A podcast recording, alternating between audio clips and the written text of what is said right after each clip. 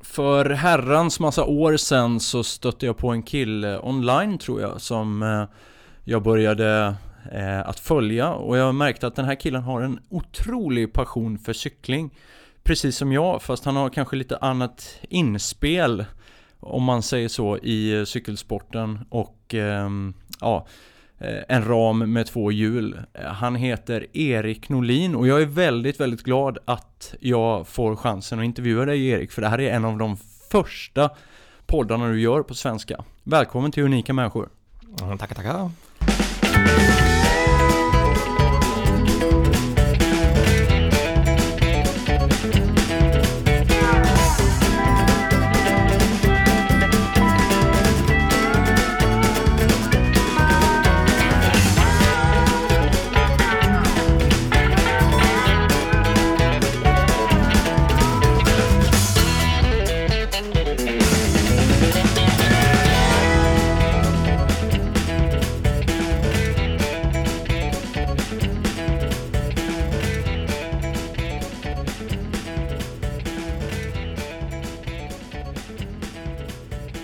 Erik, om vi, det här blir ju en väldigt spännande intervju för vi vet ju inte var det här kommer landa riktigt. Men eh, kan du inte bara kort presentera dig själv eh, för lyssnarna här? Folk kanske inte har en blekaste om vem du är. Okej, okay, um, Erik Norlin heter jag. Uh, jag är uh, en, en svensk designer och cyklist som är verksam i Kalifornien. Uh, och cykelfreak, cykel, cykelalkoholist, uh, ett väldigt stort beroende för, av, av cykling och allt som finns runt omkring.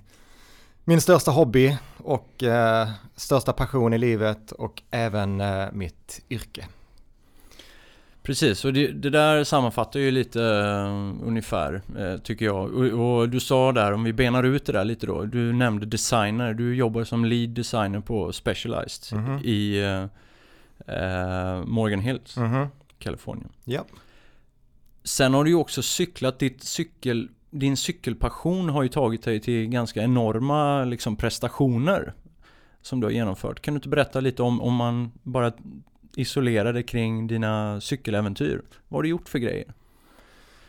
Alltså det har kommit ganska naturligt till mig med, med cyklingen och sista tio åren ungefär har det varit mycket långdistanscykling och äventyrscykling. Mm. Uh, och det, det, kom sig ganska naturligt för mig. Jag har cyklat sen, sen jag var fem, sen jag fick den här första banansadelcykeln av fassan med, med, med fotbroms och har haft en, en otrolig passion för cykling hela mitt liv i stort sett och gick igenom en designhögskola i Umeå och Göteborg och då handlade det väldigt mycket om cykling och mitt första jobb direkt efter, direkt efter skolan var cykling, uh, cykelrelaterat och uh, jobbet efter det var också cykelrelaterat. Och så det har liksom, det har blivit, det var ett karriärsval och, och, eh, och det var inget snack om det liksom. Och sen så var frågan hur jag skulle så här, passa in som cyklist. För den vanliga pendlingen är ingenting man kan sådär försörja sig på riktigt. Eller det är liksom, det, det, var, det är bara transport för mig. Och sporten cykling har eller aldrig riktigt lockat.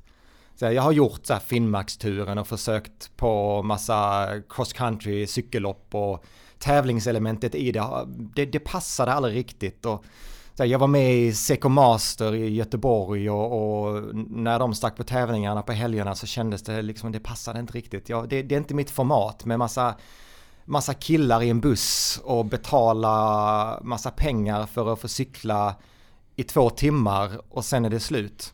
Du behövde hitta dig själv? Ja men det var, det var en lång process att hitta mig själv som, cyk, som, som cyklist. Och, det är inte helt skulle... enkelt för det finns ju många uttrycksformer för ja, cykling. Jättemånga. Sen någonstans efter millennieskiftet, eh, kanske 2003 någonstans, så var Göteborg och eh, hängde i en cykelbutik som heter Veloform och det var två äldre herrar som pratade om Paris-Brest-Paris. De hade precis kommit tillbaka efter det årets upplaga.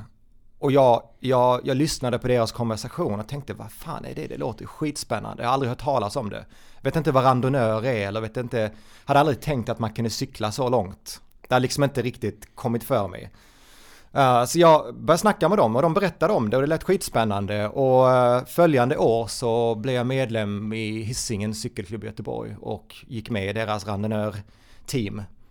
Ehm, började göra bredvid cykling och började med 20-milaren och sen 30, 40, 60 och fattade att det här är ju, det här är, det här är mitt hem i cyklingen. Det här gillar jag. Så jag... Och sen efter det har det liksom, det där har eskalerat så det har ju blivit ett, eh, ett beroende och, och du har ju gjort enorma resor. Ja men det var någonting som var så naturligt i, med, med randonöringen. Det är så här, det du tävlar mot dig själv, det, är, det kan vara ganska hårt tidvis men det finns ingen prispall och det finns inga pengar och det är ingen ära och det kostar nästan ingenting att göra det utan det man investerar är liksom eh, passion och tid. Och utmaningarna man kan, man kan ge sig själv i randonnörsvängen är ju helt outtömliga. Alltså det här elementet att man, man jagar horisonten och tänker att man aldrig kommer fram. Man gör, man gör en lång distans men det finns alltid något längre. Och för att förklara då, ehm, för det jag ville komma till var att gå igenom ditt CV vad det gäller de här långa cyklingarna, vad du faktiskt har gjort för enorma prestationer.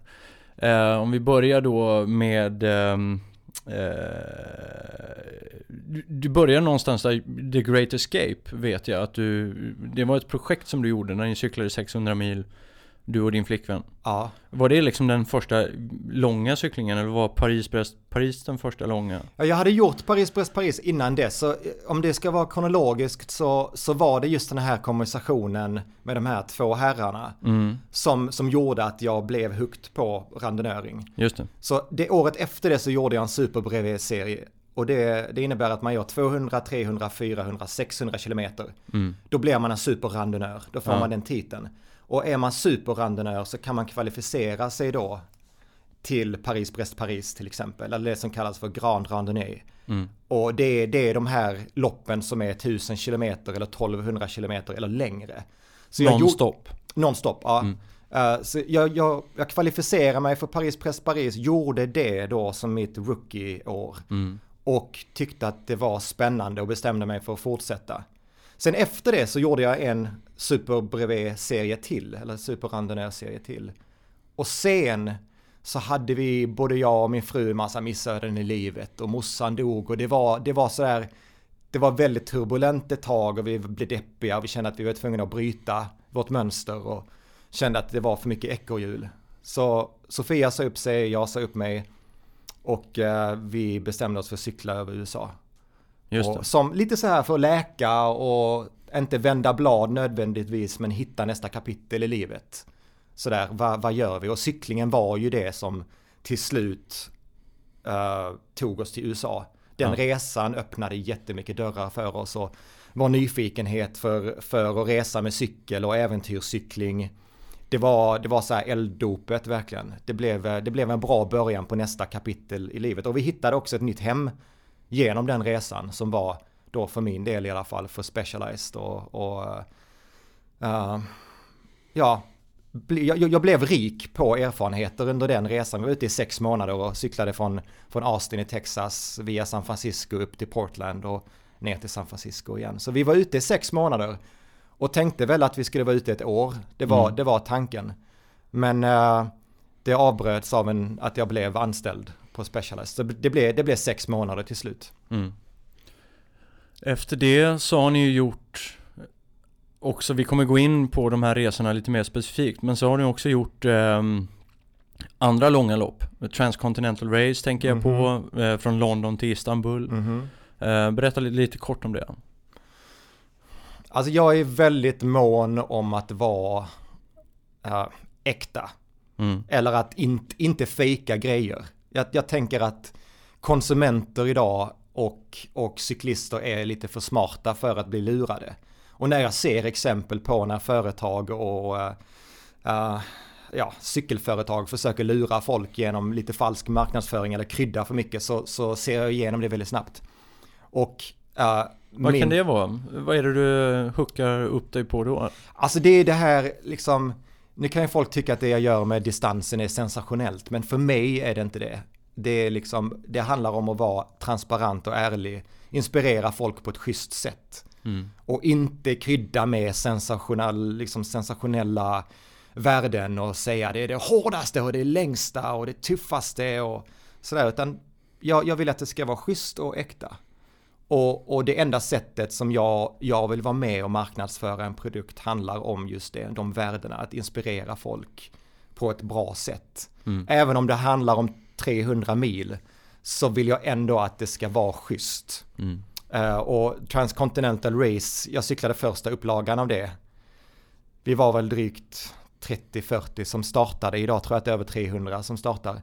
Men det var en sån lite pionjärsresa som vi, när jag började på Specialized så, um, så hade vi startat precis och utveckla A-Wall som var den första cykeln jag var involverad i med Specialized. Mm. Och för att då berätta en historia om den, en lanseringshistoria, så letar vi lite efter en bra kontext. Vad är det? Det är en, det är en, det är en, en touringcykel som är gjord för långdistans. Och vad är, vilken är historien vi ska berätta? Så jag pitchade en idé om att varför cyklar vi inte Transcontinental Race? För det, det var perfekt i tiden med lanseringen för cykeln. Mm. Så vi gjorde det, tog med oss ett filmteam som var kompisar sen innan. Så jag och min kollega som då var utvecklare, developer av AWAL, vi, vi cyklade London-Istanbul i det här Transcontinental Race. Och vi dokumenterade det uh, tillsammans med Ertzu i film. Och det blev en dokumentär av det och i samband med lanseringen av dokumentären så lanserade vi cykeln. Och då har man en väldigt bra produkt och man har en väldigt bra historia. Mm. Och det är så här, det är best case. Då slipper man bullshitta och hålla på och hitta på en massa skit. Det är liksom en, det är väldigt, väldigt bra, ehm, ska vi säga, kontext. Och sen copy-pastar ni det, det, konceptet lite när ni eh, lanserade Sequoia-cykeln sen som du också var inblandad i och, och designade? Alltså det, ja, ja, det kan man säga. Alltså det är ju, eh, det konceptet med att göra en dokumentär är, mm. är ganska smart. För att man, man investerar mycket pengar initialt. Och, och skapar en våg kan man säga, en våg man kan surfa på väldigt länge. Så i fallet med Transcontinental Race så fick vi med dokumentären på Bicycle Film Festival. Som är en, en cykelfokuserad filmfestival som är ambulerande och, och, och reser runt världen. Mm. Så vi fick med den där, så vä, den vågen vi skapade, den, den kunde vi surfa på i över ett år. Mm. Och marknadsföringsmässigt så är det mäktigt, för det behövs inget jobb av teamet alls. Man, man, man frontlastar hela projektet och investerar mycket tid och svett och blod och tårar. Men sen sköter det sig självt. Mm. Så därför gjorde vi likadant med Sequoian. Och, och hittade, hittade en historia som passade produkten väldigt bra och sen så gjorde vi det. Så nu har vi har bara precis börjat med Sequoia lanseringen kan man säga. Mm. Uh, och, och, vi vet att den vågen vi skapar där kommer vi kunna surfa på ett år till. Mm. Och Sequoian, det ni körde ju, när ni lanserade den cykeln så körde ni det här eh, klassiska Sverigeloppet som heter Sverige-tempot. Ja, precis. Ja. Det går alltså uppifrån och ner. Eh, precis, från riksgränsen till Smygehuk. Hur, 200, hur många mil? 10. 210 mil. 214 mil, ja. Och sen gjorde ni en dokumentär om det som ja, man kunde precis. se online. Och, ja. ja. Precis, den, vi, vi, vi körde, vi visade den ungefär en vecka och sen drog vi ner den igen. Så vi kom, för jag vi... försökte titta på den eh, nu så här inför den här intervjun men ja. äh, hittade inget. Nej men vi ville satsa på filmfestivaler. Vi kände att det var så mycket, den var så bra. Den ja. blev så himla bra så att vi, vi drog ner den och nu, nu är den på olika filmfestivaler. Mm. Som lite så här först premium. Man måste, man måste vara ganska snobbig med filmfestivaler. Mm. De vill ha egen rätt och de vill inte att den ska finnas online och sådär. Så nu kör vi, kör vi ett halvårs filmfestivaler och sen kommer vi återlansera den och stoppa upp den på nätet igen i september. Okay. Snart, snart kommer den igen. Um, de här långcyklingarna tänker jag, alltså det, nu är det ju väldigt mycket, det är ju marknadskrafter bakom det här eh, och eh, men i grund och botten så handlar det ju om att eh, någon ska ju också cykla och det är en ganska, det är ganska stora prestationer inblandat i det här att man jag menar, det är inte så att du, de här filmerna jag har sett och klippen och intervjuerna jag har läst och så här, du, du tar ju ut det ganska rejält och ni som kör de här grejerna. Det är, det är inga enkla saker liksom ni ger er på. Mm. Man hade ju kunnat bara lägga lite mer pengar i, i print och affärspress och, och mm. marknadsföra det. Men mm. ni väljer att göra det lite annorlunda. Det, eller det, det, blir väldigt, ska man säga så här, det blir, det blir extremt jobbigt för dig. Mm. Men samtidigt så är det ju min största passion i livet är mm. just att resa på cykel. Mm. Så att det är ju ingen börda. Nej. Utan, utan kan, kan jag engagera mig personligen och försöka att vara en bra ambassadör för det jag designar eller det jag står för. Och det tror jag är viktigt. Jag, jag, jag vill känna att jag kan stå för det jag jobbar med till 100%. Mm. Och vara en ambassadör för det jag gör också. Och, och då är det inte så jävla jobbigt att cykla 210 mil. För det hade jag gjort ändå. Mm. Men om jag sen kan göra det på en produkt som jag faktiskt har designat för ändamålet så är det ju kanske den bästa, det bästa beviset på att det funkar. Och hade, jag hade det inte funkat så hade jag berättat det också. Mm. Men det handlar just om det där att vara ärlig och transparent som jag snackade om innan. Att, att uh, säga att det är att, att en produkt, att lova mycket för en produkt och sen inte riktigt bevisa det på ett tillräckligt bra sätt. Det, det känner jag att det är liksom en, det är att fallera. Mm. Men kan man, kan, man, kan man i början på en produktutvecklingscykel se slutberättelsen så blir det väldigt mycket lättare att avancera projektet och tänka att du vet att man har en, en hel holistisk syn på vad produkten är. Just det. Så det är inte så att, att, att jag sitter i min kammare som industridesigner eller, eller creative leader och, och, och utvecklar en produkt som jag sen lämnar över till marknadsföringsapparaten, utan det är ett väldigt, väldigt så här, vi tar varandra i handen från början och sen går vi tillsammans hela sträckan. Mm. Och vi vet någonstans redan när vi börjar projektet vad slutprodukten måste vara och vad sluthistorien måste vara för att mm. det ska vara, för att det ska vara på riktigt. Mm. Och i, i en cykelvärld idag när det finns så fruktansvärt mycket bra produkter. Alla varumärken i stort sett idag gör högkvalitativa produkter med bra design och bra, bra, allt, allting är bra idag. Mm. Så då handlar det i slutändan att marknadsföra det på ett sätt som är annorlunda. Och ju bättre den historien är, desto bättre kommer man sälja av produkten. Så det är lite där jag tror att vi på Specialized urskiljer oss. Att vi, vi lägger mycket krut på marknadsföringen för att urskilja oss. Mm. Och, eh, och jag, jag, jag gillar det. Så länge jag kan stå bakom det så har jag inga problem med det. Mm. Jag tänkte vi skulle hoppa tillbaks lite och, och, eh, nu har ju folk fattat att uh, du är en eh, passionerad cyklist, en duktig designer och uh, de kanske också har cyklat på en och annan cykel som du har gjort där ute.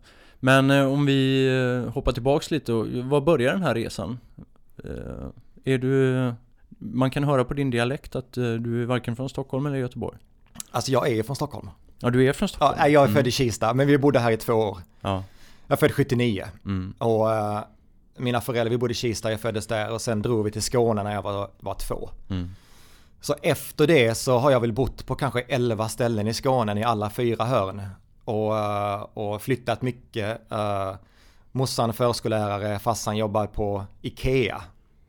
Och uh, Ikea tog oss utomlands och det tog oss till Helsingborg och uh, tillbaka till Malmö. Så jag, min dialekt är nog väldigt bruten sådär. Mm. Uh, jag har ingen riktig dialekt längre, tyvärr. men efter det, vi bodde i Bryssel i tre år och sen, nu har jag varit utomlands i, i sex år. Så jag känner väl kanske inte att jag är någonstans ifrån längre. Jag känner inte att jag är riktigt från Sverige längre. Mitt hem är San Francisco nu. Mm. Och jag är väl någon typ av världsmedborgare. Även om det inte funkar så rent praktiskt i passet kommer jag alltid vara svensk. Men mm. min attityd och, och, min vilja är att, eh, att vara någonstans, vara öppensinnad för kultur och, och resmål och länder och, och attityder. Jag läste någonstans om dig att du, eh, eh, du upptäckte tidigt att du hade något form av eh, intresse för konst. Eller eh, rita, måla och sådär. Men att din hjärna var alldeles för eh, vad ska man säga, strukturerad, fyrkantig. fyrkantig. ja. Du gillade raka linjer, du kunde inte tänka liksom i blommor och ängar och... Nej men det, det, ja, det, är en ganska rolig historia det där, jag behöver inte berätta hela men Men eh, det var ju en del av att hitta mig själv. Jag visste att jag, vill, att jag var kreativ och jag visste det som barnsben och Morsan har alltid varit jättekreativ och jag alltid, jag, jag har, hon har alltid investerat i kritor och färgpennor och papper och alltid sett till att vi har haft det runt omkring oss alla syskon. Uh, så jag har henne mycket tacka för det. Men jag visste inte hur jag skulle kanalisera det där. Så jag började på konstskola i Simrishamn, Österlenskolan och där hade jag en mentor, en legendarisk mentor, H.C. Eriksson, som är, var grafiker och konstnär. Uh, han, var, han var min mentor på sista året av två och uh, i någon typ av uh, slutplädering där i sitt mentorskap så sa han till mig att Erik, du, du, har, du har väldigt mycket talang. Men, och det här var en konstskola ska jag säga. men du kommer aldrig kunna bli någon konstnär. För att du är alldeles för rakt på och du är alldeles för konkret i ditt tänkande. Eh, men det, det är inte dåligt.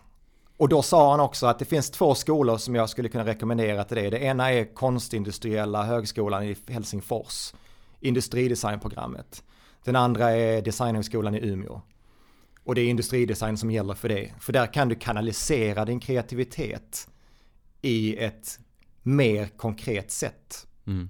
Och jag visste inte ens vad industridesign var då. Jag hade aldrig hört talas om det om jag ska vara ärlig. Uh, men jag missade ansökningstiden på, i Helsingfors och jag uh, lite så här sköt från höften med Umeå.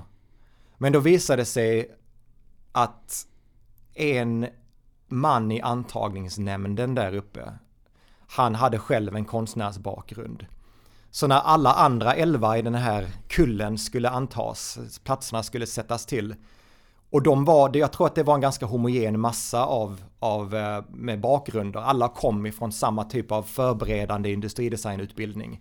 Så tror jag att det var så enkelt att den här mannen i antagningsnämnden bara sa att vi behöver en konstnärlig någon typ av, någon typ av konstbakgrund. Så han, han jag, jag fick en plats av de här, jag tror det var 600 sökande och och det var 12 som togs in eller någonting och jag fick en plats där. Mm. Så jag flyttade till Umeå och tänkte att det här var ju, det var ju skoj. Jag vet inte vad det är för någonting men jag tror att det, det kan bli bra. Och då var jag inne i någon typ av designhögskolevärld. Ja. Och, och som en del av mognaden. Och Utbildning där uppe är fantastiskt bra och nu är den rankad som antingen etta eller tvåa i världen efter Pasadena. Eller mm. till och med, jag tror det är ettan i, i, uh, i år på industridesignutbildningar. Men den var alldeles för, inte, inte för teknisk, men den var alldeles för uh, transportinspirerad och, och driven och då transport som i bilar. Mm. Eller i, ja, det heter automotive, men du vet, dieseldrivna eller bensindrivna fordon och jag, jag vill ju göra cyklar. Men hade du redan kommit på det då? Jag hade, jag hade redan kommit på det. Ja. Och, och eh, kanske inte just att det var cyklar, men just att, att jag, jag kände att jag hade fått en typ av etik och moral i mig som inte jag inte ville korrumpera. Jag kände att jag vill inte jobba för bilindustrin, för den är inte hälsosam. Den är inte bra, den är väldigt destruktiv. Och eh, när jag kom upp till Umeå så jobbade alla med vetholvor och det var bensin och det var 600 hästkrafter och det var, jag, jag kunde inte riktigt identifiera mig med den här liksom konsumtionen som, som det faktiskt innebär. Man har en väldig makt som industridesigner. Mm. För det man gör är ju egentligen att man skapar affektion. Man, man, man ger döda produkter ett värde mm. som gör att människan kan relatera till det. Och det är en väldigt, det är, det är en maktbalans man har där. Man kan, man kan gå på rätt sida eller fel sida. Mm. De bästa de bästa vapnen är gjorda av industridesigner. De bästa bilarna är gjorda av industridesigner. Alltså det handlar ju om att skapa, skapa mervärde för produkten. Och då, då, då kände jag inte att jag ville vara en del av den världen som, som eh, var den mest prestigefyllda där uppe. Utan jag tänkte att cyklingen är ju, eller någonting som är mer humanistiskt, någonting mm. som är grönare och mer medvetet. Så jag kände inte att jag platsade där uppe. Mm. Det, var, det var själva den röda tråden i utbildningen. Uh, etiken och moralen kändes inte 100%. Så jag bytte till HDK i Göteborg, på Göteborgs universitet. Och den var lite mer flummig, det var lite mer humanism, det var lite mer konstnärlighet. Och det passade faktiskt mycket bättre. Mm. Och där så mitt, um, mitt um, kandidatexamensarbete blev det min första cykel. Och uh, ingen bra cykel ska jag säga. Det, det, var ett, det var ett skitprojekt. Men det var ju då jag på något sätt fattade att designa cyklar är en otrolig utmaning. Det är inte lätt, men det är väldigt spännande. För jag har alltid varit en väldigt fysisk person. Och om det inte har varit att springa så har det varit att cykla. Och, och då kände jag kanske att det kanske finns en framtid som cykeldesigner. Och det var där det började och sen har jag fortsatt bara på den linjen. Men jag tänker så här, ofta så, om man tänker cyklar så tänker man ju bara att det är en maskin som man ska trampa och eh, Samtidigt så finns det ju, alltså, cykeldesign är ju jävligt häftigt för den kan ju verkligen ta så många olika former och kan vara små hjul, stora hjul, tjocka hjul, smala hjul och så vidare och så vidare. Men vad skulle du säga liksom, vad, vad, vad är signumet för en bra cykel tycker du? Alltså cykling för mig, cykeln för mig är kanske ett av de få objekten som människan har uppfunnit som faktiskt är 100% bra. Vi, vi har uppfunnit en jävla massa skit och saker som inte, inte är nödvändiga. Men cykeln är ett redskap för frihet och ett, ett redskap för oss att färdas. Mm. Mellan olika städer och byar och kulturer och den rent praktiska pendlingssituationen eller transportsituationen är mäktig för en cykel. Men sen så finns det så många andra facetter på det också. Uh, den häl hälsoaspekten av det hela är helt mäktig, väldigt snäll mot kroppen. Man kan cykla på en otrolig massa olika sätt. Från att vara den snabbaste i världen och den som cyklar längst i världen och den som hela den här sporten cykling är bara ett element av det hela. Mm. Det andra är att bara den här frihetsmaskinen som cykeln är också. Och, och alla de här facetterna gör att det är så spännande att jobba med det för att det tar aldrig slut. Och, och när man känner att det börjar bli tråkigt i en, en facett så kan man hoppa över till nästa och så kan man kan man se till att vara en del av kvinnors frigörelse i Afrika genom att eh, förse dem med cyklar så att de slipper gå två mil om dagen och hämta vatten. Och liksom den självständighetsprocessen som det här frihetsredskapet kan bidra med, samhällsutveckling. Du vet, det tar liksom aldrig slut. Men utvecklingen på cykel har ju gått så himla fort tycker jag. Eh, och, och det fortsätter väl trumma på liksom. Men man börjar nästan tänka i de här banorna, men hur mycket, hur mycket mer finns det att göra på cykeln? Alltså hur mycket, hur mycket mer finns det att uppfinna och hur mycket mer finns det att utveckla? Det är en konstig fråga kanske, men jag vill ställa den. Nej men det, det tar aldrig slut. Nej. Det tar aldrig slut. Det är väldigt mycket samhälls... Uh, uh, ska man säga samhällstendenser som avgör det. Men bara titta på pendlingscykeln som två exempel. Pendlingscykel säger vi här i Stockholm. Men alla pendlingscyklar som man, man köper idag är egentligen värdelösa för pendling. Mm. vet, man får punkteringar, man måste underhålla dem. Eh, det är lätt att stjäla dem. Det, är, det var tre exempel. Det, är som, det har vi inte löst än. Nej. Det måste vi lösa för att, att, att hitta en bättre, en bättre produkt. En bättre användarvänlig produkt. Mm. Um, det där är många års designarbete i bara det. Ja. Uh, samma sak med teknologiutvecklingen inom sporten cykling. Där man ser hur, hur uh, teknologi och nya material utvecklar produkterna också. Men när det har gått från en stålcykel och sen till en aluminiumcykel och sen till kolfiber och tillbaka till aluminium och stål. Allting går i cykler. När man tänker att man har nött, uh, nått kanske höjdpunkten av, av en era så kommer hela tiden nästa era. Du vet, alla, alla 1989 cyklade på stålcyklar i, i Tour de France. Fyra år senare cyklade alla på aluminiumcyklar. Tio år senare var alla på kolfibercyklar. Mm. Och nu är man i en värld där aluminiumcykeln har blivit uppfunnen på nytt kan man säga. Stålteknologin är otroligt spännande just nu. Och stålcyklar är på väg tillbaka i då det här högsta eh, performance-segmentet. Så det tar aldrig slut det där. Det, det, det är en outtömlig process och, och otroligt spännande. Men eh, om man då pratar eh, ännu mer kring teknologi, när teknologi och el möter cykel, är det något som du som designer måste ta ställning till eller låter du bara komma och säga okej, okay, nu ska vi göra världens bästa elcykel? Eller är det något så här man, precis som du sa där, men du vill ju inte vara en del av bilindustrin, men du, vill du vara en del av elcyklandet? Absolut, jag mm. älskar, jag, jag har cyklat på elcykel i fem år nu. Mm.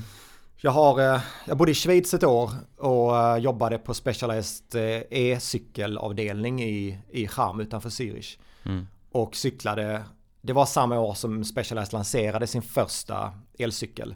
Jag cyklade på den ett år. Jag hade 28 km till jobbet. Jag cyklade varje dag fram och tillbaka. Och det är ganska långt, 6 mil om dagen. Men just att jag hade en elcykel gjorde att jag inte behövde köra bil. Så att jag, jag blev såld direkt. Dels är det skitroligt, dels är det jätteeffektivt och sen är det jättebilligt mm. i det stora hela. Mm. Så då, jag, jag, jag, min inlärningskurva, eller ska jag säga övertalningen för att jag skulle börja gilla elcyklar hände över en natt. Jag satte mig på Specialized Turbo som var den första modellen. Och efter fem sekunder kom jag tillbaka med ett jätteleende och bara det här är skitskoj. För man kan cykla i 45 km i timmen. Och, och cykla över berg och, och det finns så väldigt mycket fördelar med, med elcykling och sen, sen har det ju utvecklat sig så, i alla fall på min arbetsplats, att man har på något sätt erkänt och eh, sagt att vi tror att alla cyklar kommer ha en elmotor i framtiden. Mm. Och det är liksom ett, eh, ett uttalande som, som har vuxit. Det kan, kan vara någon typ av naiv vision från början. Men sen har det visat sig med elcykelutvecklingen i Europa att det har exploderat på sistone. Mm. Och det kannibaliserar egentligen inte de vanliga cyklarna utan det får fler att cykla. Mm. Det, finns, det, det, det, får fler att ställa bilen. Det får fler att eh, ta den där friska luften varje morgon till jobbet och, och utan att komma skitsvettiga till jobbet. Och det, det får äldre människor att cykla längre. Har man ett litet halvkass knä eller höft så kan man ändå sätta sig på en elcykel och, och få det där. Så det är väldigt så demokratisk lösning på cyklandet. De kostar mycket initialt men vad de ger till cyklisten är något väldigt vackert tycker jag.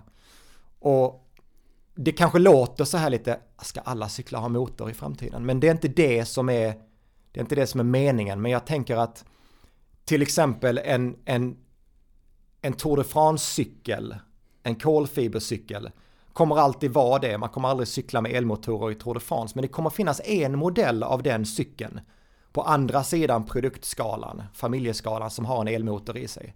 Mm. Och där, där tror jag att vi kommer hamna med, med, med alla cyklar i framtiden. Men du, bara en, en viktig detalj, eller en fråga i den eh, kategorin då. Varför, hur långt fram är det när batteriet kan bli mindre och man kan gömma det i en ram eller liknande. För nu cyklar ju alla omkring med ganska stora elmotorer på alla cyklar nästan, eller batteripack sådär. Vad är det någonstans? Alltså tekniken finns redan. Uh, motorerna är inte, inte större än en dildo idag. De går liksom att stoppa in i ramen utan att det, utan att det syns egentligen. Och batterierna blir mindre och mindre. På, var, var, vartannat, var tredje år så kan man öka, dubbla kapaciteten på batteriet. Mm. De blir kanske inte så mycket mindre, men man dubblar kapaciteten. Och, eh, och det som var en elcykel för eh, fem år sedan, um, som då var bara elcykel, man skulle kunna cykla fem mil på en laddning. Idag finns det väldigt mycket mindre batterier som kanske man vill använda ibland. Mm. Man cyklar som vanligt, manuellt. Och sen när man kommer till den jättebacken, då stoppar man in, sätter man på elmotorn och sen får man en liten skjuts. Mm. Den typen av elcyklar kommer att explodera i framtiden. Där det inte är en... en Som en assistans? En, bara en liten assistans, en ja. liten kick. Ja. Så här, man är kanske lite svag eller har något problem, men man vill ändå cykla med gruppen. Mm. Och om man har en liten skjuts, det kanske bara är 100 watt eller, eller 120 watt som man använder ibland. Den typen av elprodukter tror jag kommer att, och explodera. Mm. Alltså inte, inte av eller på, inte 100% elcykel med jättebatteri, du vet en 30 kilos klump. Utan vi kommer se kanske ett batteri och motorsystem som väger kanske 2 kilo. Mm. Som uh, kommer vara holistiskt involverat och inbyggt i ramen. Man kanske inte ens ser det. Men det kommer, det kommer finnas där. Eh, väldigt spännande. Jag tänkte att vi skulle prata om eh, ett projekt, eh, din senaste cykel som jag blev väldigt inspirerad av ehm, och eh, faktiskt gick och köpte mig en sån. Eh, och det är den som heter Specialized Sequoia. Mm -hmm. som jag förstår det, ditt, du kanske har ett annat projekt på ditt CV efter det men ehm, det var ju på något sätt så tycker jag att det är en ny typ av cykel som du, ni har tagit fram. Eh, och du kan väl berätta lite om vad det är för typ av cykel och hur tankarna kring den cykeln kom till, för det här är ganska spännande. Alltså det, det, var bra att du sa ni, för det är ju så när man jobbar på ett företag att det är ju ett, eh, ett team alltid som, som jobbar med allting. Man har, man har en, en produktmanager, en, en PM och man har utvecklare och man har ingenjörer och man har vi är väl ett team på kanske tio personer sammanlagt som har jobbat med det här projektet. Men, så egentligen det enda jag kan ta cred för det är att jag har pitchat det. Det var, det var en vision jag fick om, om en cykel som kan göra det mesta. En, mm. en, uh, en uh, schweizerkniv. Den är inte bäst på någonting, den är inte lättast, den är inte snabbast, den är inte mest kapabel att lasta på. Den, den är inte bäst på någonting. Men den är ganska bra på allt. För att väldigt, en väldigt stor del av, av människor som bor i storstäder har lite ont om plats. Man kan inte ha fem cyklar inomhus, man har inte pengar för att ha, äga fem cyklar. Så hela projektet handlar egentligen om att, att skala bort en massa behov och erbjuda det i en produkt. Så om man, har, om man bara har plats eller, eller råd att ha en cykel så ska det vara en cykel som man kan cykla på i stan som en pendlingsmaskin man ska kunna låsa fast den utanför krogen. Man ska kunna cykla på stig. Man ska kunna köra lite snabbtouring eller cykla runt Sverige med den. Och du vet, bara jättekampabel. Mm. Och det blev en produktbrief av det som, som jag pitchade. Och uh, jag pitchar jättemycket idéer. Och ibland som fastnar de, ibland, för, nästan oftast så, så skakar de på huvudet och säger att ah, visst, men kanske inte. Men den här satte sig faktiskt. Och det var ju lite timing och sen lite, lite näsa också. Att så här, jag, kan, jag, jag, känner att det här luktar ganska gott. Mm. Och jag tror att det är en väldigt bra, en bra riktning. Så vi gjorde en produktbrief då som berättar vad cykeln ska åstadkomma, uh, vem, vem cyklisten är, vem kunden är och uh, den baserades ju väldigt mycket på mitt eget behov. Och mina vänners behov. Som inte har alla pengar i världen och som inte har platsen och som, men som ändå vill som jag bor i San Francisco, jag måste cykla två mil över Golden Gate-bron för att komma till Marine Headlands. Och där är det bara stig och single track. Mm. Och där, jag vill inte cykla mountainbike genom hela stan för att komma dit. Jag vill ha en cykel som är väldigt kapabel. Mm. Och jag vill ha en cykel jag kanske kan cykla och tora på på helgen. Cykla och kampa. Så det blev en ganska så här mångfacetterad cykel med, ja, Swiss Army Knife är väldigt bra, en analogi för den. Mm. Och, och eh, vi började utveckla den hojen och stål var materialet och eh, eh, det blev en liten familj av det på tre olika modeller och eh, eh, måste säga att jag är väldigt nöjd med det projektet. Och det känns lite som att eh, det satte ribban för en ny typ av, eller en riktning kanske för en ny typ av cyklist eller cykling. Du, i din värld så kanske den fanns redan, där bredvid randonnécyklisten som mm. kör långa sträckor och vill kanske packa och lite sådär. Men för mig som kommer från eh, sporthållet, om man säger så, mm. och eh, går in i en specialized concept store och så ser man, det står en någon form av äventyrscykel där som ser mm. helt uh, jättecool ut. Då blir man lite så här eh, som cykelfetischist, så här lite eh, ja, smickrad. Fan, eh, fan, vad skulle man kunna göra med den där? Så allt liksom. Um, men upp, har projektet landat bra? Har ni sålt bra av den cykeln? Och vad är, liksom, vad är nästa steg i det?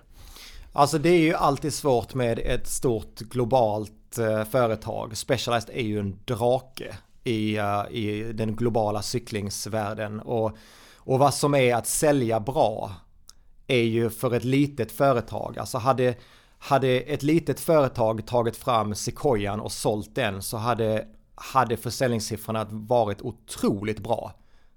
Det hade varit uh, du vet, man hade fått sin bonus det året. Mm. Uh, på Specialized som säljer så fruktansvärt mycket cyklar så är det ju en liten skit. Mm. Och den då som är ansvarig för de stora cykelfamiljerna som Tarmac och Roubaix och uh, de, de som säljer hundratusentals cyklar om året. Så är det ju ingen, ingen jättestor vinstaffär. Nej. Det är alltid, även om, om vi är väldigt nöjda med hur den har sålt, och vi är framförallt väldigt nöjda med att vi har, vi får så mycket fans. Folk älskar den hojen. Mm. Och tänk, alltså det, jag får så mycket high five så det är helt galet på folk som är så här, wow.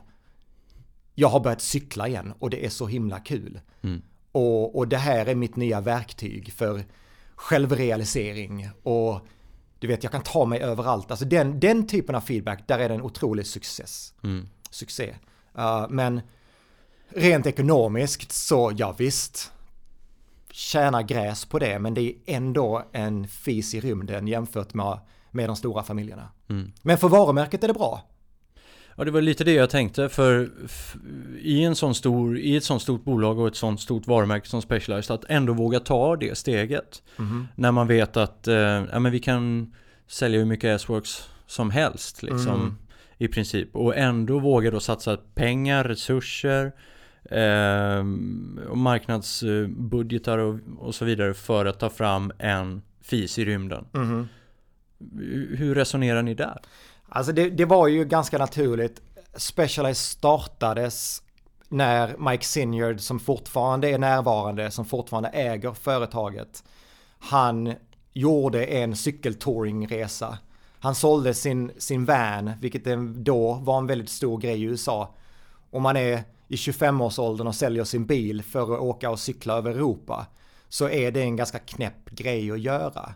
Men när, när han gjorde den här resan då, tidigt 70-tal, så träffar han på ganska många människor eh, i sin resa uh, som uh, det, bara, det bara slumpade sig så att han träffade uh, Campagnolo och Cinelli och de italienska märkena och tänkte att det här är en businessidé jag kan ta med de här produkterna från Italien som inte finns i USA och börja marknadsföra dem i USA.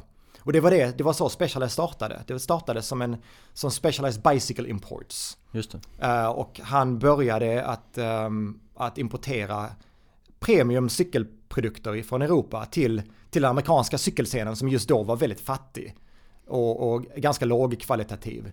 Men den historien om att, att företaget började som äventyrscykling i stort sett.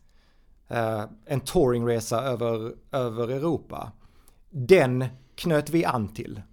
Så att Sequoian som en produkt, Sequoia var också Specialized första cykel.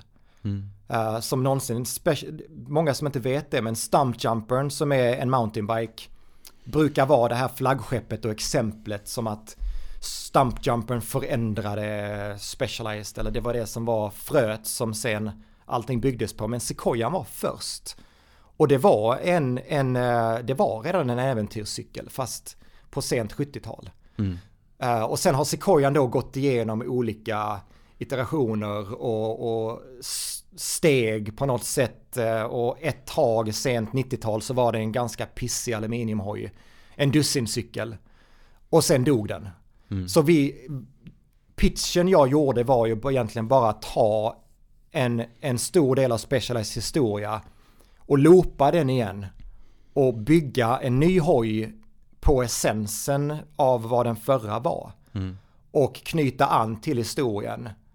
Och det i och med att, att Specialized nu har funnits i så många år, sedan 1974, så kan vi göra det. Vi har en historia som är otroligt rik. Och där kan vi börja ta element ifrån från det som har varit och lyfta fram det igen. Så det var ju, det var ganska enkelt egentligen. Historien blev ju ganska självklar, ganska mm. snabbt. att det här är den, en ny Sequoia.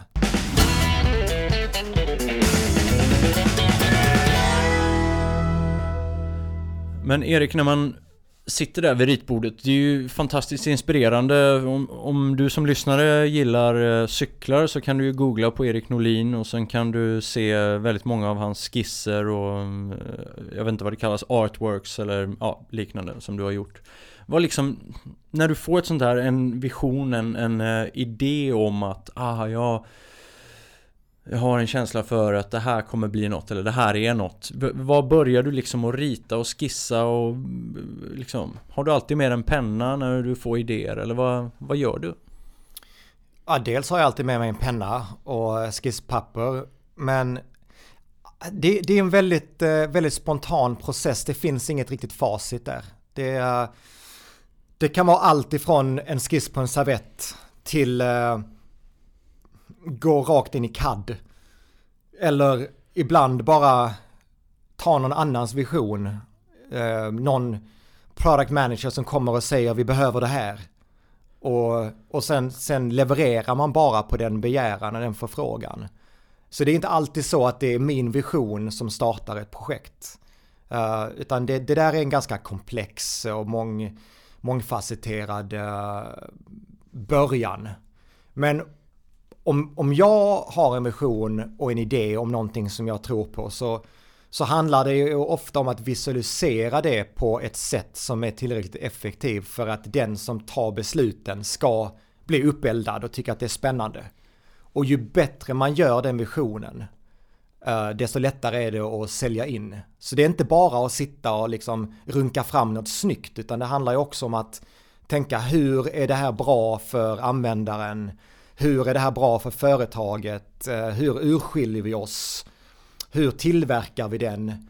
Och det, det är lite det som är den största skillnaden mellan att vara fri konstnär och vara designer. Det är att vi, en designer måste tänka på massproduktion och det, det kommersiella värdet. Det är det vi gör. Vi, vi, vi är konstnärer för industrin.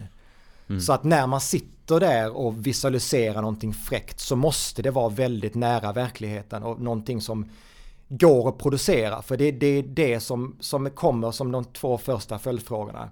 Den ena kommer ifrån en product manager som då äger projekt, som är projektledare. Säga hur, vadå, vad är detta? Hur, hur ska vi tjäna pengar på detta? Och den andra kommer från ingenjören, hur ska vi tillverka detta?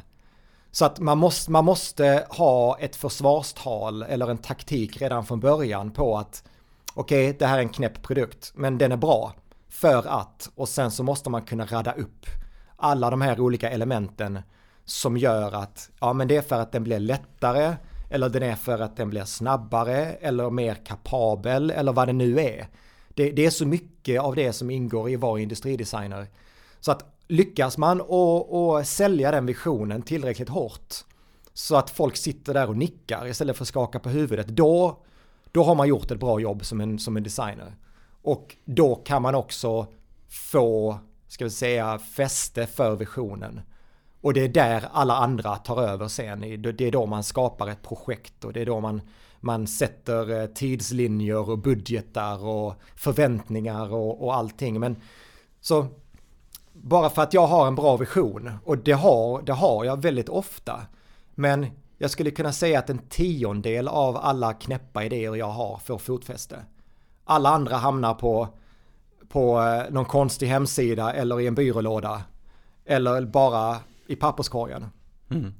Så att det är inte så att man, att man är fokuserad hela tiden utan det handlar om att tänja gränser och lösa problem på, på, för, för en användare. Men, eh, och då är min fråga, håller du på med nyskapande hela dagarna eller är det också så att en industridesigner på Specialized måste göra sånt som är lite mer vardagstråkigt. Rita citybikes eller eller liksom vad består din vardag av? Alltså nu är jag någon typ av creative leader. Så att jag är inte bara industridesign utan jag jobbar med designstrategi. Jag jobbar nära med marknadsföringsavdelningen och, och eh, jag jobbar mycket med att ge feedback till andra designers och, och lyfta fram andra, vara lite smakråd och sådär. Uh, lite, ska vi säga creative director uh, utan att ha den titeln så, så är det liksom ett större sammanhang. Så mig att vara industridesigner är kanske 20%. Jag är också grafisk designer. Och, eh, och um, väldigt många trådar. Det är lite därför Sequoian är ett bra exempel, för jag är lite av den här Swiss Army knifen också. Mm. Jag är inte bäst på någonting, precis som en, en schweizerkniv, men, men jag fyller mitt syfte och jag har en väldigt komplett, jag har, jag kan såga ner ett träd och pilla naglarna på samma sätt, samma gång liksom. Det är, mm. det, det är högt och lågt, men totalt sett så har jag en ganska bra grund. Uh, med så här jag, jag, jag är väldigt business-minded, jag, jag, ser, jag ser pengarna, jag lever min livsstil som handlar om cyklar. Jag kan stå bakom produkten, jag kan också designa den. Mm. Så på något sätt så, så det är inte så att, att man kan tänka att citycyklar, att det skulle vara tråkigt. För det är ofta där den största utmaningen är. Att, att uh, designa någonting för massorna. Uh, som i pengavärden blir den största uh, belöningen för företaget. Jag, jag, jag kan designa skitcoola cyklar för hipsters hela dagen. Eller designa cyklar för mig själv hela dagen. Men vi skulle inte sälja mycket av det. Det coola med att vara industridesigner på ett stort företag är ju att lyssna in sig på alla behov ifrån alla olika marknader över världen. Behoven i Italien är annorlunda för dem i Colombia eller Japan eller på Tasmanien. Att, att ta in alla de åsikterna och lyssna på det och sen skapa en produkt som, som passar de flesta. Det är utmaningen och där är ju ofta citycyklar eller urbana cyklar, det är det som är svårast att göra. Um, så att ja, jag uppskattar det väldigt mycket också. Jag tycker om elcyklar, jag tycker om nu, just nu så tillhör jag eh, Specialized Road som är alla landsvägscyklar. Mm och eh, jobbar med, med de stora produktfamiljerna. Som Tarmac och Roubaix och Diverge. Eh, men jag jobbar även med, med det som heter equipment som är hjälmar, skor, sadlar, eh, allt möjligt, alla tillbehör och accessoarer. Så det blir någon typ av holistisk bild för landsvägsenheten. Och då blir det aldrig tråkigt. Vad skulle du säga då om du får lite örnperspektiv på hela liksom cykel branschen så här, vad är, om du inte får svara el, men vilket område kommer det hända mest inom de närmsta fem åren? Du skulle säga något som man kan lyfta fram liksom som är så här, ja men det här, det här är jävligt spännande. Är det hopfällbara cyklar eller är det Nej, ja. du skakar på huvudet. Det är inte det. Nej, jag, jag tror inte att det finns, uh, att det svaret du vill ha finns inte. Nej. Utan jag tror att eh, vi kommer inte se några revolutioner på cykelfronten. Inget tredje hjul, inget... Nej, nej. nej. Elcykeln har varit en sån som har tagit cyklingen in i en ny fas. Mm. För massorna. Uh, för den breda massan. Men det som aldrig kommer sluta är att, att uh, cykelföretag och designers kommer att göra produkterna bättre. Billigare och bättre. Mer högre kvalitet, högre säkerhet, eh, bättre priser. Man ser ju var, varje år blir cykeln, och egentligen det har hänt sedan 1890. Cykeln har blivit väldigt mycket bättre varje år. Och jag tror aldrig att det kommer att sluta. För det har att göra med män, människans och även andra delar av det industriella samhället uppfinner saker som vi i sin tur i cykelvärlden kan dra nytta av. Det är materialkunskaper, det är tillverkningsmetoder. Eh, vi kan göra saker tunnare och starkare och snabbare och, och det kommer aldrig någonsin sluta. På gott och ont. Mm. Du vet, men de dyrare cyklarna kommer bli jättemycket dyrare. Och de billigare cyklarna kommer bli jättemycket billigare. Ja. Och någonstans så kommer vi se till att det finns någonting för alla som är väldigt mycket bättre än för tio år sedan. Så kommer det alltid vara. Hur många cyklar ska man ha tycker du? Man ska ha så många cyklar man kan ha. Nej men det där är ju, jag skulle kunna svara för mig själv. Ja, men, det får du göra. Um, jag behöver uh, tre cyklar. Mm. Berätta om dem. Jag behöver en skitsnabb och skitlätt cykel. Mm. Kolfiber. Nej, jag äger ingen kolfibercykel. Nej, aluminium. Och, och det är kanske herregud. Äger ni en kolfibercykel? Jag har en, jag har en, en, en lätt, jag har en 7 kilos aluminiumcykel. Ja.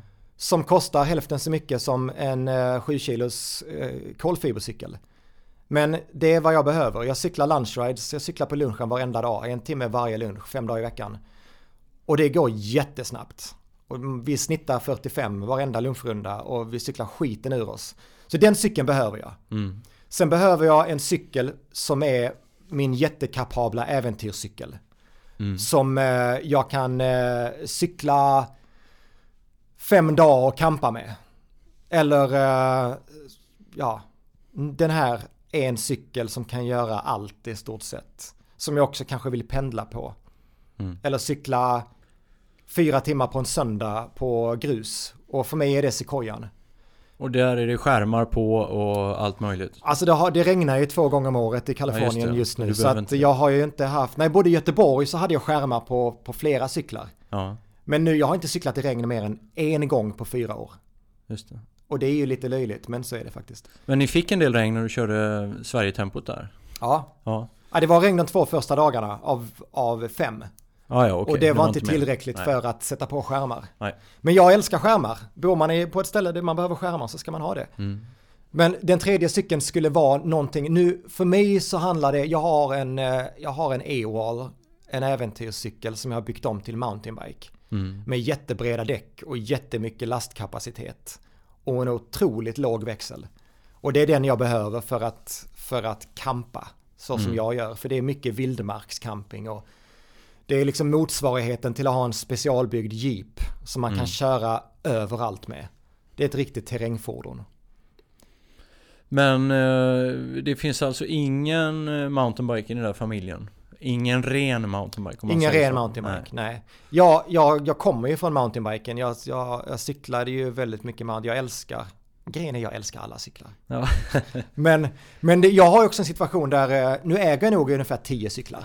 Ja. Men, eh, men jag behöver inte alla 10. Nej. Utan mycket är ju det att jag jobbar för ett cykelföretag och kan ha väldigt, väldigt grymma cyklar.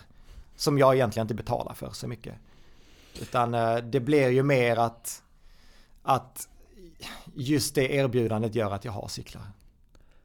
Men du, jag tänkte vi skulle glida in eh, på ett äventyr här i lite mer i detalj som jag följde dig lite nu det sista.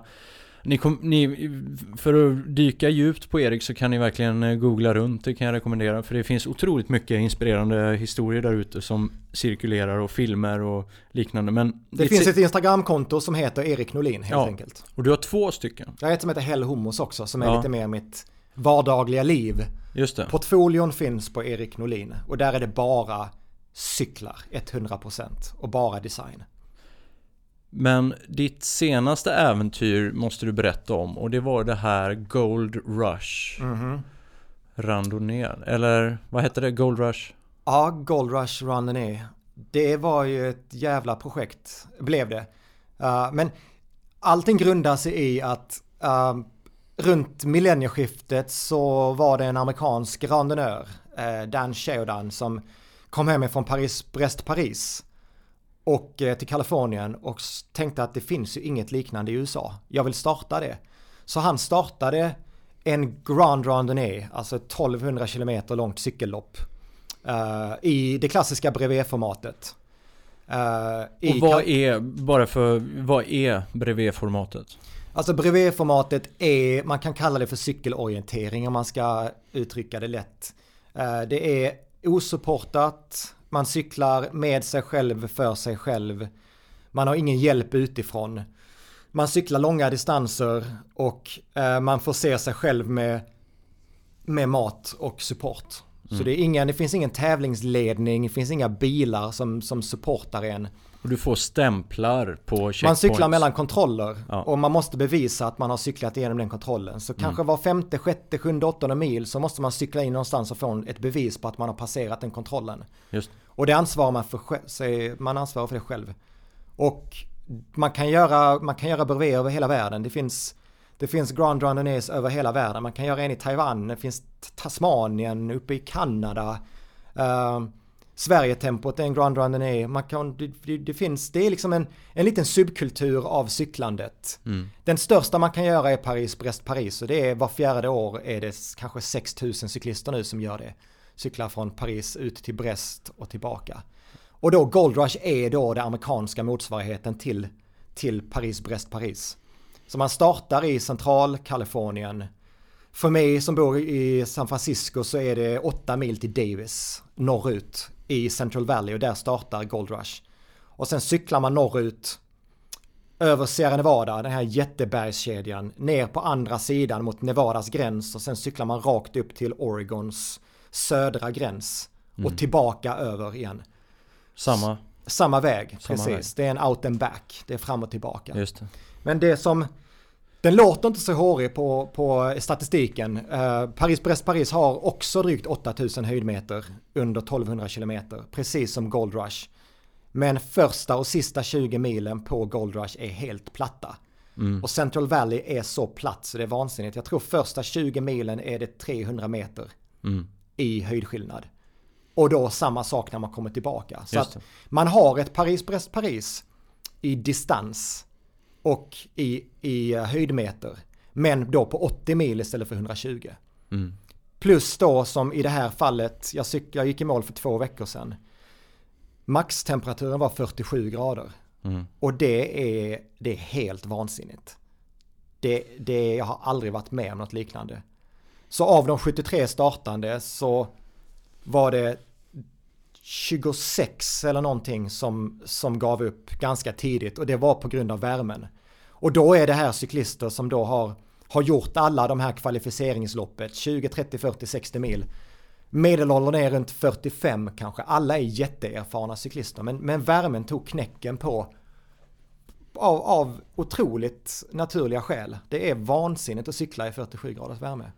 Var, var det exceptionellt varmt eller är det varmt i den regionen? Ja, det, är, det är ju varmt. Ofta mm. har man 100 Fahrenheit. Mm. Uh, och det är ju inga ovanligheter. Det ligger ofta lite över 30 grader. Men just den här helgen som vi cyklade så, ba, så var det en riktig, en riktig uh, höjd, ja, vansinnigt varmt helt enkelt.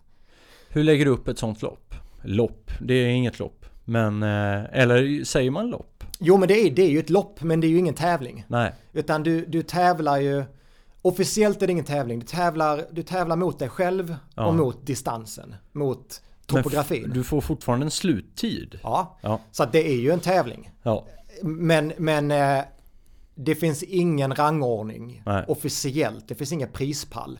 Så den som kommer in på 73 plats får samma renommé officiellt. Man, man, man klarar det eller klarar man det inte. Ja. Men internt finns det naturligtvis en, en riktig, uh, ett, ett tävlingselement. Och det handlar ju om att, och, uh, kanske 20% av cyklisterna gör det för att slå sin tid eller för att slå rekordet eller för att göra en herrejösses insats. Och den här gången kände jag att jag, jag gjorde det för att jag skulle, jag skulle döda mig själv. Jag skulle cykla så jävla snabbt det gick.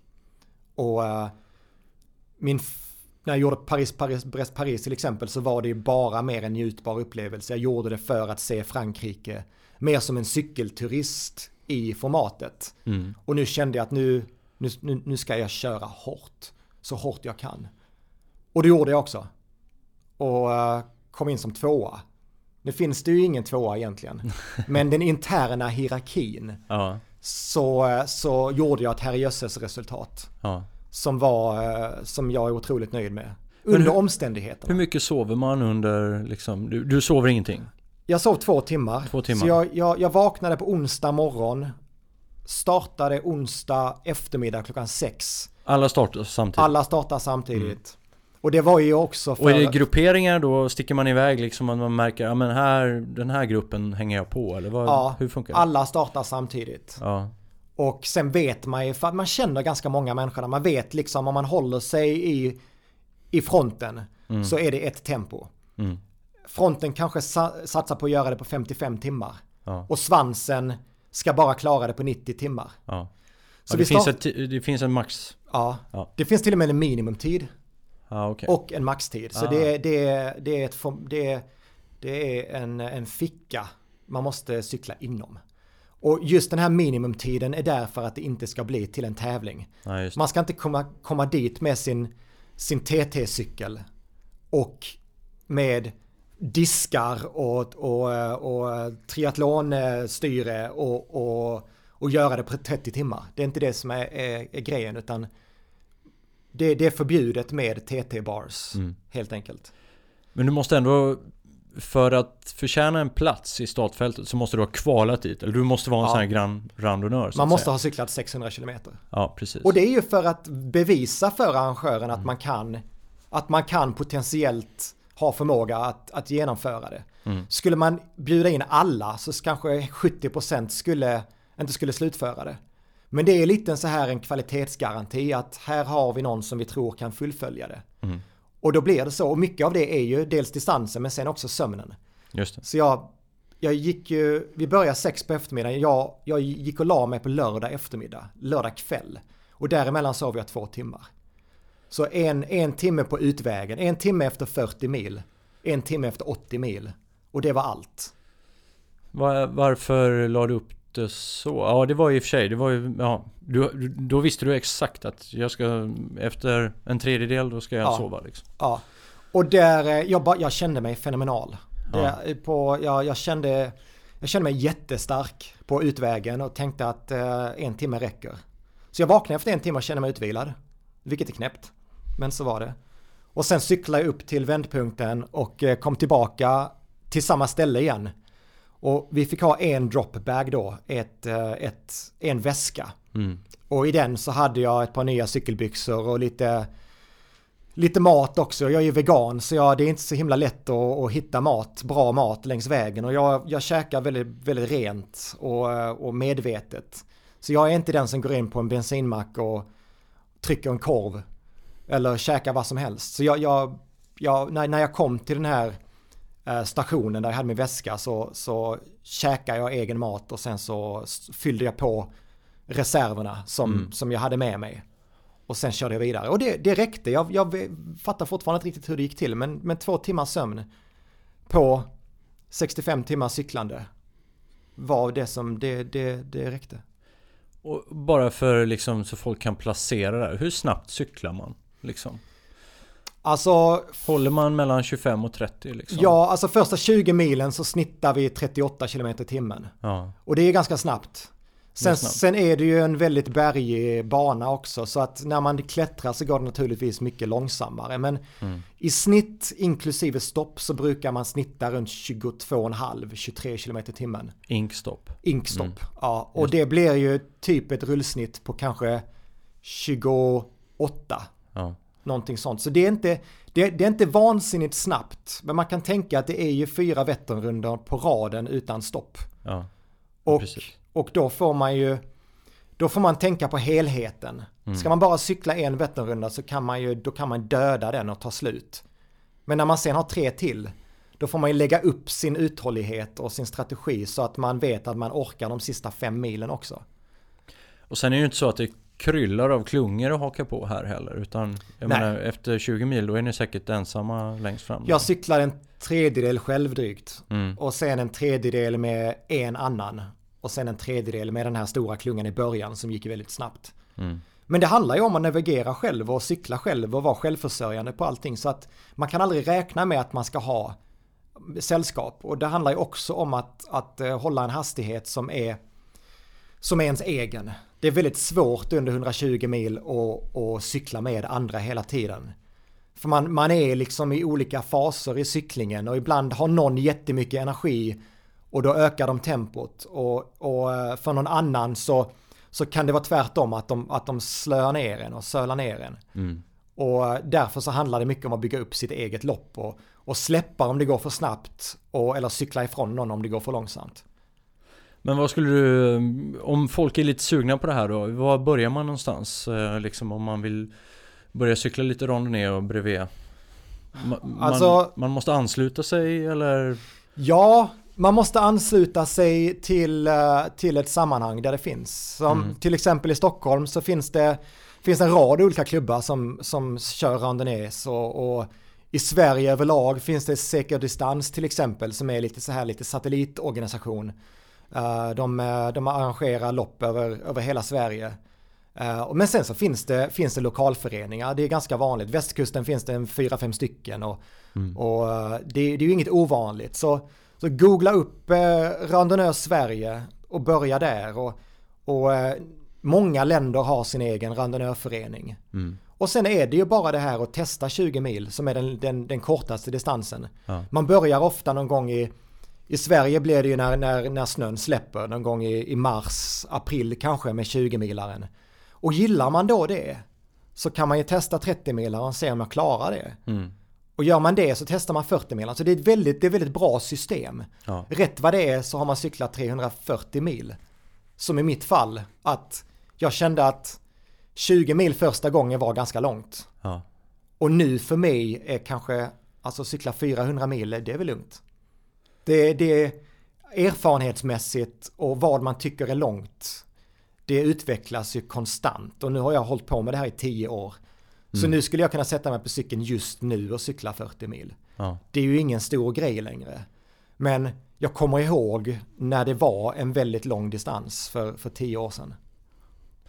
Vad drömmer du om för lopp som har kört så många lopp och genom länder och kontinenter och så vidare? Vad, vad, liksom, vad pågår i din hjärna när du sitter och planerar med en karta?